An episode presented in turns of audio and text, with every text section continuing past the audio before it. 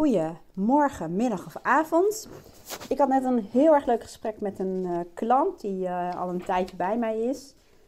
En um, ik ben even aan het bladeren in de aantekeningen. En ik wil wat met je delen, omdat ik denk dat jij hier ook iets mee kan.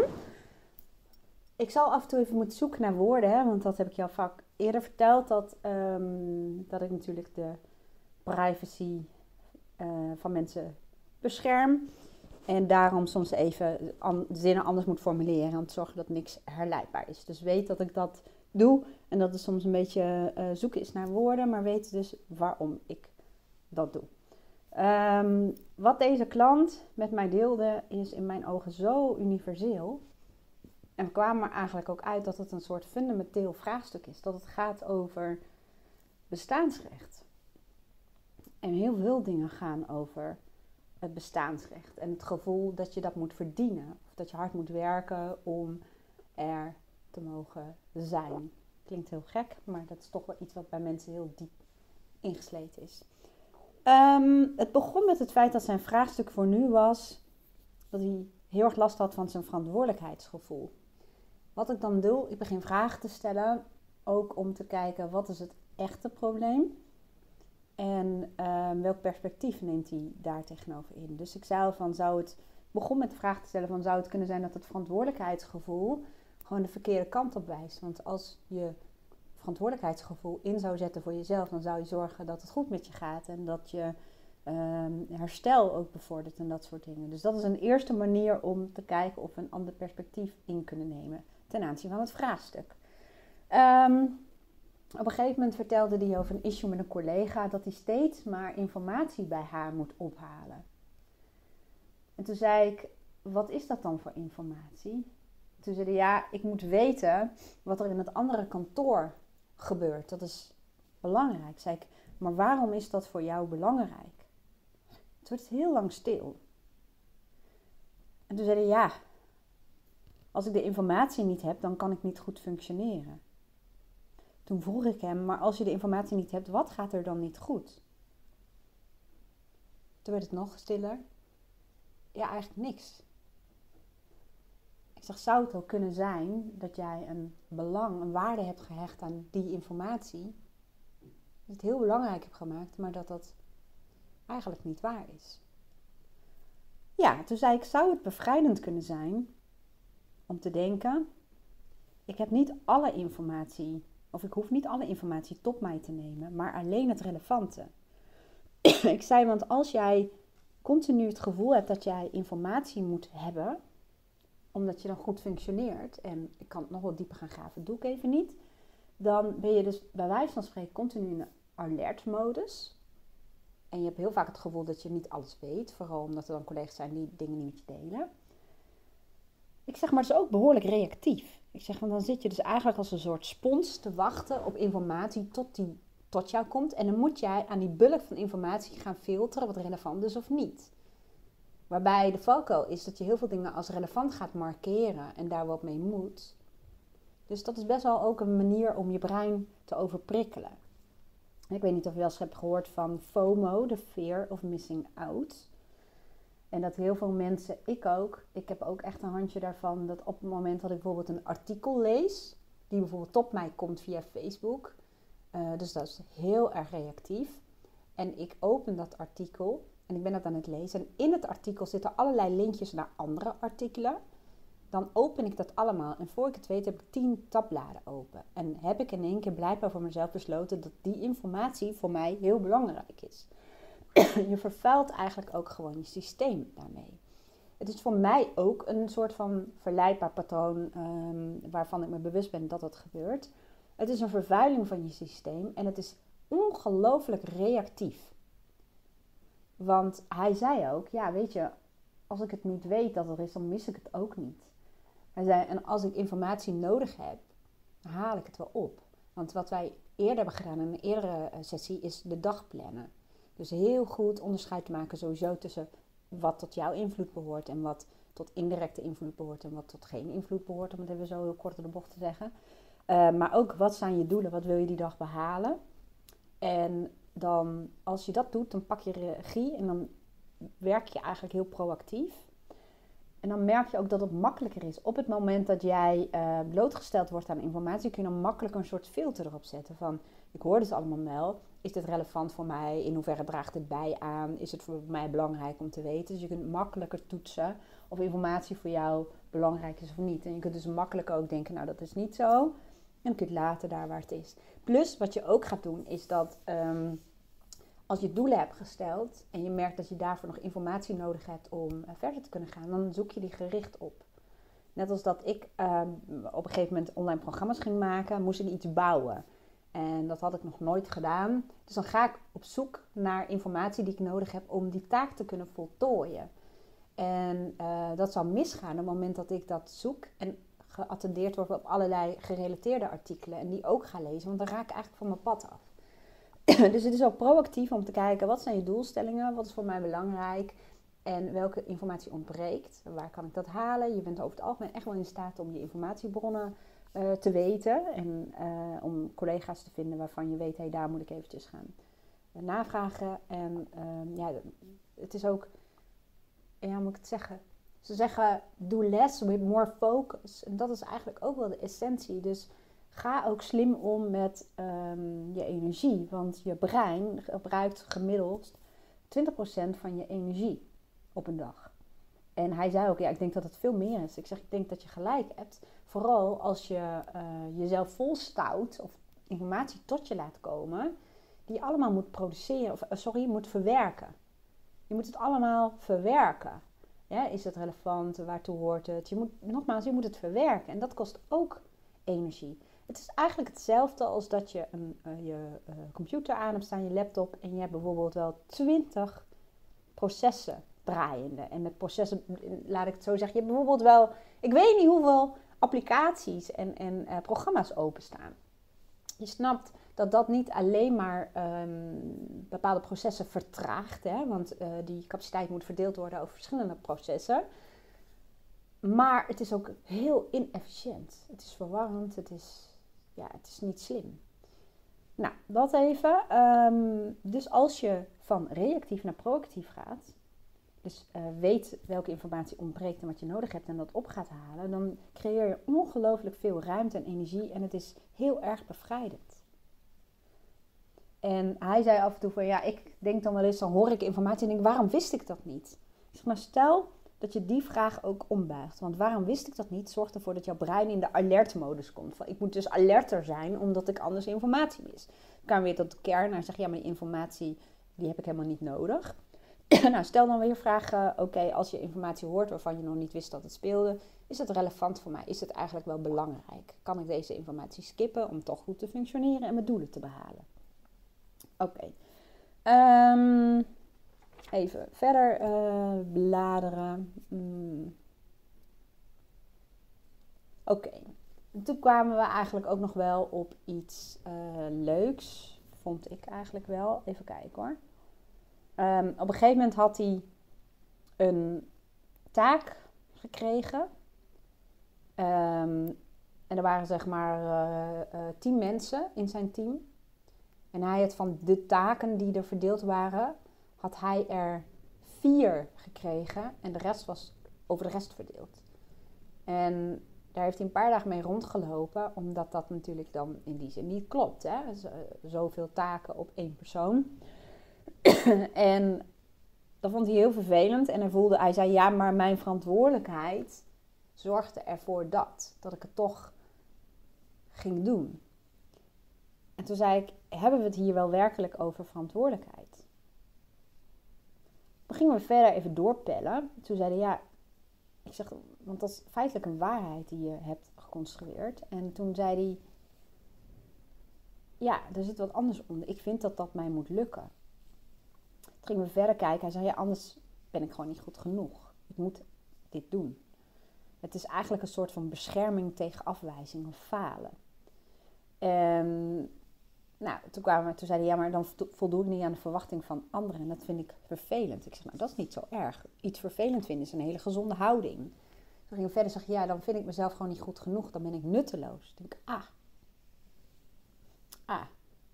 En die herken ik zelf ook heel erg. Ik heb zelf met mijn eigen coach uh, vorige week, uh, Yvette Roding heet zij, ik heb meerdere coaches en zij is er één van, hebben we dit ook bekeken. Want mijn thema de afgelopen tijd, en daarom ben ik ervan overtuigd dat ik griep heb gekregen, is ook dat ik het heel moeilijk vind om in mijn ogen nutteloos te zijn. Om, ik neig heel erg naar uh, doen, doen, doen, doen, nuttig bezig zijn, acties, doelen, la la la. en vul elk gaatje bijna met nuttig zijn. Dus als ik lekker op de bank zit, dan zul je mij 9 van de 10 keer met een boek zien over gedrag of over wat dan ook. Of ik zit in mijn studie. En ik zeg ook, ik wou bijna zeggen, ik maak mezelf wijs dat dat ontspanning voor mij is. Maar dat is niet werkelijk waar. Het is gewoon een drang om nuttig te zijn, omdat er een angst, angst zit op nutteloosheid. En dat heeft heel vaak te maken met een soort van fundamentele angst dat je moet werken om hier te mogen zijn. Dus voor je bestaansrecht, om van betekenis te zijn. En dat je anders niet zo waard bent. Hoe gek het ook klinkt, sommige mensen denken, jeetje, dat gaat wel heel diep. Ja, maar het gaat ook vaak diep. Het stuurt je, jouw geloofssysteem, wat je uh, bent gaan geloven, omdat je gewoon vaak verteld is en je bent er uiteindelijk in gaan geloven, dat stuurt je op onbewust niveau. En ons onderbewust niveau, dat stuurt ons de hele dag door. Dat zorgt ervoor dat we bepaalde beslissingen nemen en in onze valkuilen terechtkomen. Ondanks dat we op bewust niveau weten dat we dat niet zouden moeten doen. En op bewust niveau weten we vaak wel dat het niet zo is. Maar onderbewust dat is zoveel sterker. En er zit een geloofssysteem dat dominanter is dan um, wat je bewust weet. Dus die nutteloosheid. Ik zeg, nou, dat is grappig. Hè? Een gemeen, hoe zeg je dat? De gemene delen. We hebben dezelfde angst gemeen. Dat is de angst om nutteloos te zijn. En dan kom ik eigenlijk op het volgende. Dat is dat je heel veel mensen ontlenen hun bestaansrecht aan dingen doen. Ken je die term van ik zorg, dus ik besta. Ik doe, dus ik besta. Ik huppel pup, dus ik besta. Ik werk, dus ik besta. Ik presteer, dus ik besta. Je ziet ook vaak dat moeders die uh, het heel lastig vinden om hun kinderen zelfredzaam op te voeden, um, het extreem moeilijk vinden om afscheid te nemen van hun reddersrol. Dus ze zijn heel veel aan het redden. Laat mij dat maar doen, ik doe dat wel. Of hè, het bijna betuttelen. En uh, daar heb ik echt zeker ook jaren heel erg veel in gedaan. Um, maar eigenlijk doe je het voor jezelf. Het is een vorm van egoïsme. Want als je voor de ander, voor je kind bezig zou zijn, dan heb jij één missie en een belang. En dat is dat je kind zo zelfstandig mogelijk opgroeit. En zo onafhankelijk mogelijk opgroeit. Zodat het zichzelf kan redden. En hoe meer jij zorgt dat je kind op jou leunt, of jou ziet als redder, hoe meer je dat feitelijk doet voor jezelf. Want dat geeft je continu een reden om te bestaan. Het je een reden van waardevol zijn. En ja, ik snap dat heel veel mensen met weerstand hier naar zitten te luisteren. En dat kan, dat snap ik wel. Want dat, dat zou ik waarschijnlijk een paar jaar geleden misschien ook wel zo hebben ervaren. Ja, maar ik moet en als ik het niet doe, dan. Maar je ontleent je bestaansrecht daaraan. Ik zorg dus, ik besta. Want stel hè, ik heb die shift gemaakt om uh, te denken, ja, weet je, ik wil dat mijn dochter zelfredzaam is, zelfstandig, zich onafhankelijk voelt, op zichzelf kan koersen, zelfvertrouwen heeft. En dat uh, ze mij wel inzet als haar mentor, van, om mee te denken, om te faciliteren, om haar vragen te stellen. En natuurlijk als mentor, dat is wat anders dan coaching trouwens, maar dan deel je ook dingen uit je eigen ervaring. Maar wat zij ermee doet, dat is aan haar. Ik ga niet meer zeggen hoe zij het moet doen en ik ga het ook niet meer overnemen. Maar op het moment dat je dat doet, dan is dat wel een soort rouwproces. Afscheid van jouw rol. En dat is ook omdat wij in essentie, ons brein is geprogrammeerd om te overleven en te groeien. En een van de overtuigingen die we hebben, die heel sterk ingeprogrammeerd zijn, is dat wij in een groep de meeste overlevingskansen hebben. En daarom is het ook zo belangrijk dat jij een rol, een positie verwerft in een bepaalde groep. En als je dat loslaat, of als je eigenlijk het perspectief verschuift van het overnemen, het redden, het adviseren, het aanraken van oplossingen naar mentorship, dus dat jij anderen helpt om zelf oplossingen te bedenken, dan kan dat inderdaad een soort rouw zijn. Afscheid van het gevoel dat jij het instituut der kennis bent. Jij, jij, zonder jou zouden ze dit niet kunnen hebben gedaan. En Volgens mij was het een hele rare zin. Maakt niet uit, maar ehm, dat, is, dat kan een lastige verschuiving zijn. Ik kan me nog herinneren dat ik vroeger, toen ik uh, um, webmaster was en uh, met oud jaar moesten alle tarieven aangepast worden. En um, er waren in dat geval twee mensen die dat konden, mijn collega en ik, maar ik kon het technische gedeelte. En ik voelde me eigenlijk, als ik nu terugkijk, ik weet nog wel dat ik in de keuken bij mijn ouders of bij mijn vader en uh, zijn uh, vrouw in Friesland met oudjaarsavond, om 12 uur moest het live, zat ik tot 12 uur s'avonds te buffelen om dat voor elkaar te krijgen. En daar voelde ik me gewoon goed bij. Dat ik de enige was die dat kon en dat ik mijn avond opofferde om dat te doen. Het gaf mij een goed gevoel over mezelf. Snap je? Het gaf mij een rol in de groep afscheid nemen daarvan, dus we kregen een paar jaar later een systeem waardoor iedereen dat kon, dat is best soms wel apart, op zijn zacht gezegd. Zo van, oh, dan doe ik er niet meer toe. Of dan heb ik er dus eigenlijk niet toe gedaan. Dat is ook in organisaties hebben ze het vaak over een single point of knowledge. En dat is eigenlijk vaak een persoon waarbij heel veel kennis en ervaring zit, die uh, amper gedeeld is, ook een behoorlijk afbreukrisico. En soms ook weer niet dan denk je dat je dat bent. En dan krijg je van je manager bijvoorbeeld ehm, eh, de opdracht om je kennis te gaan verdelen. Uh, ik heb dat ook wel gehad in mijn team. En dat kan voor sommige mensen, dat was overigens niet in mijn team, maar ik ken wel heel veel mensen die het moeilijk vinden om afscheid te nemen van hun rol of hun single point of knowledge um, ja, functie.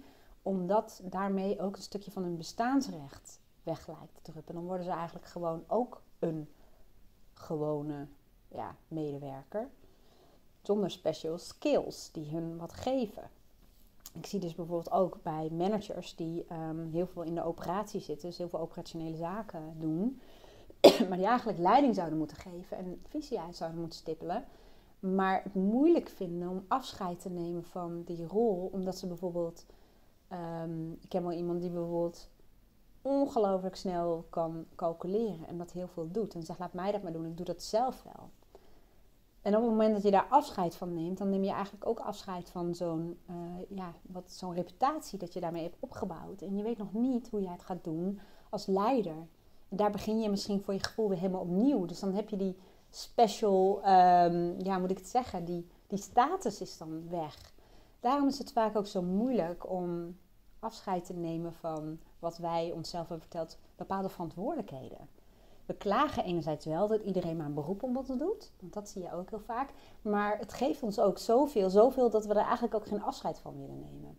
En daarom zie je dat ons onderbewustzijn ons dan continu stuurt om dat gedrag te blijven herhalen. Ondanks dat we er zo over klagen. En dat wij op bewust niveau wel weten wat wij moeten doen, maar dat doen we niet. Want het belang in ons onderbewustzijn ingeprogrammeerd is zo enorm groot dat het bijna vastgekoppeld is aan jouw, ja, nogmaals, bestaansrecht. En dat gaat inderdaad heel diep. En daarom merk je dat dat jou ook zo blijft sturen. En daarom zie je ook dat mensen ook vaak blijven hangen in situaties die niet goed voor ze zijn, um, omdat het ze iets geeft. En omdat daar een geloofssysteem aan vastgekoppeld zit. En dat is sterker dan de bewuste ja, wetenschap van ik moet dit niet doen. Of ik zou dit moeten doen. Of ik zou dat moeten doen. Dat is heel interessante materie. Echt ook, ik vond het ook super fijne, leuke coaching. Want dit zijn gewoon geweldige gesprekken. Want je ziet dat er dus op een fundamenteel niveau bij iemand iets shift of verandert. Um, waardoor alles anders wordt. Dat is echt heel gaaf. Dit zijn de, de coachings ook met um, gigantische verschuivingen. Want hij zei ook op mijn werk ga ik ook die verschuiving doen van dat ik aan het redden ben naar mentorship. En dat geeft mij ook een goed gevoel. Want we hadden het er ook over dat hij is dan wat ouder. Hij is al in de 60. En ik zei van in de westerse wereld hebben wij ook een soort. Uh, verkondigen wij continu boodschappen dat ouder worden eigenlijk ook slecht is. En dat zie je bijvoorbeeld ook bij vrouwelijke nieuwslezeressen. Um, dat je ziet dat vaak de wat oudere vrouwen worden vervangen door jongere exemplaren. Puur vaak op het uiterlijk, en het zal heus niet enig zijn. Maar je ziet vaak dat oudere nieuwslezers, dus mannen, blijven doorlezen, zullen we maar zeggen. Doorvoorlezen, je snapt wat ik bedoel. Ehm, en dat zie je eigenlijk op meerdere vlakken wel zo. Dat we worden ja, continu, hoe zeg ik dat? Um, bestookt met boodschappen, met name voor vrouwen, dat ouder worden betekent dat je afgeschreven wordt en dat je minder waard wordt. Daarom zijn we gek op crèmpjes en op anti-veroudering en botox en weet ik veel wat voor shit allemaal meer. Omdat wij massaal zijn gaan geloven in de boodschap dat als je ouder wordt, dat je dan waarde verliest. En terwijl daar is ook nog een verschil tussen mannen en vrouwen. Uh, want ik weet niet misschien dat ik wat gemist heb. Maar ik zie vooral mokken waarop staat mannen worden knapper naarmate ze ouder worden. Maar bij vrouwen, ik heb die mok nog niet gezien in een, vrouwenvariant. Is misschien een gat in de markt voor iemand die zin heeft om mokken te laten bedrukken. Um, maar je ziet ook bijvoorbeeld in andere uh, culturen heeft ouderdom heel veel waarde stamoudste bijvoorbeeld. Of hoe ouder je wordt, hoe meer wijsheid je hebt ook om te delen. En daar zie je dat jongeren bijvoorbeeld heel gretig gebruik maken van de kennis en wijsheid van ouderen. Dat is gewoon ja, andere, andere, andere opvoeding, andere boodschappen krijgen we daarmee. Dat je dus heel veel waard bent. En dat je heel, veel, heel erg van betekenis bent als dat je ouder wordt. En ja, dus we hebben met z'n allen waarheden gecreëerd, maar de vraag is of het werkelijk waar is. En wat er zou gebeuren als je een ander perspectief daarover in zou nemen. Dit zijn wel interessante uh, theorieën om het over te hebben, vind ik tenminste. Want ik herken dat wel, dat ouder worden. Dan kijk ik in de spiegel en dan denk ik, oh ja, ik heb echt al wel lijntjes. En, uh, of hè, laatst zat ik al in de zomer dat ik dacht, oh ja, want je huid bij je knieën zo wordt ook gewoon slapper. En nou, dat vind ik ook vervelend. Ehm, maar dat is ook omdat wij zijn geloven dat we daardoor ja, minder waard worden. Want hoeveel vrouwen klagen daar wel niet over? Of doen hun best of laten zich inspuiten? Of weet ik wel wat voor enge dingen allemaal. Om dat verouderingsproces te stagneren. En waarom doe je dat? Niet omdat je het zelf zo geweldig mooi vindt om in de spiegel te kijken. Ehm, maar vooral omdat je daar ook je waarde aan ontleent. Dus nou ja, daar wil ik even mee afsluiten. De essentie pakken van deze podcasten, dat zal ik even proberen. Maar het gaat eigenlijk over uh, bestaansrecht van de dingen die je doet.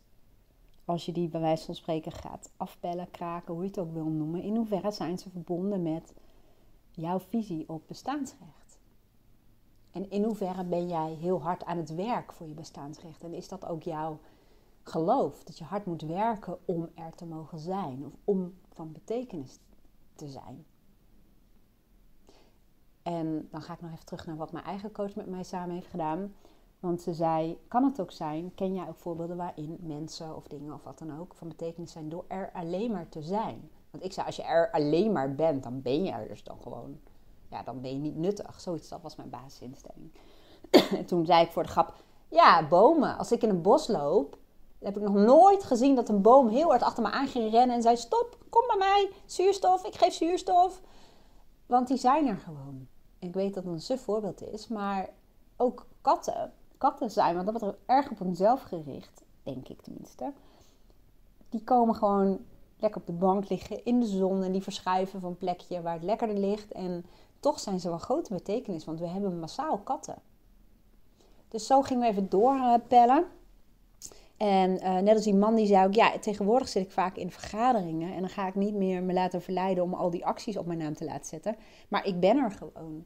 En ik deel gewoon daar mijn kennis of ik ga achterover zitten. En ik merk dat ik daardoor, nou, voor mijn gevoel, veel meer van betekenis ben dan door alles maar gewoon naar me toe te trekken.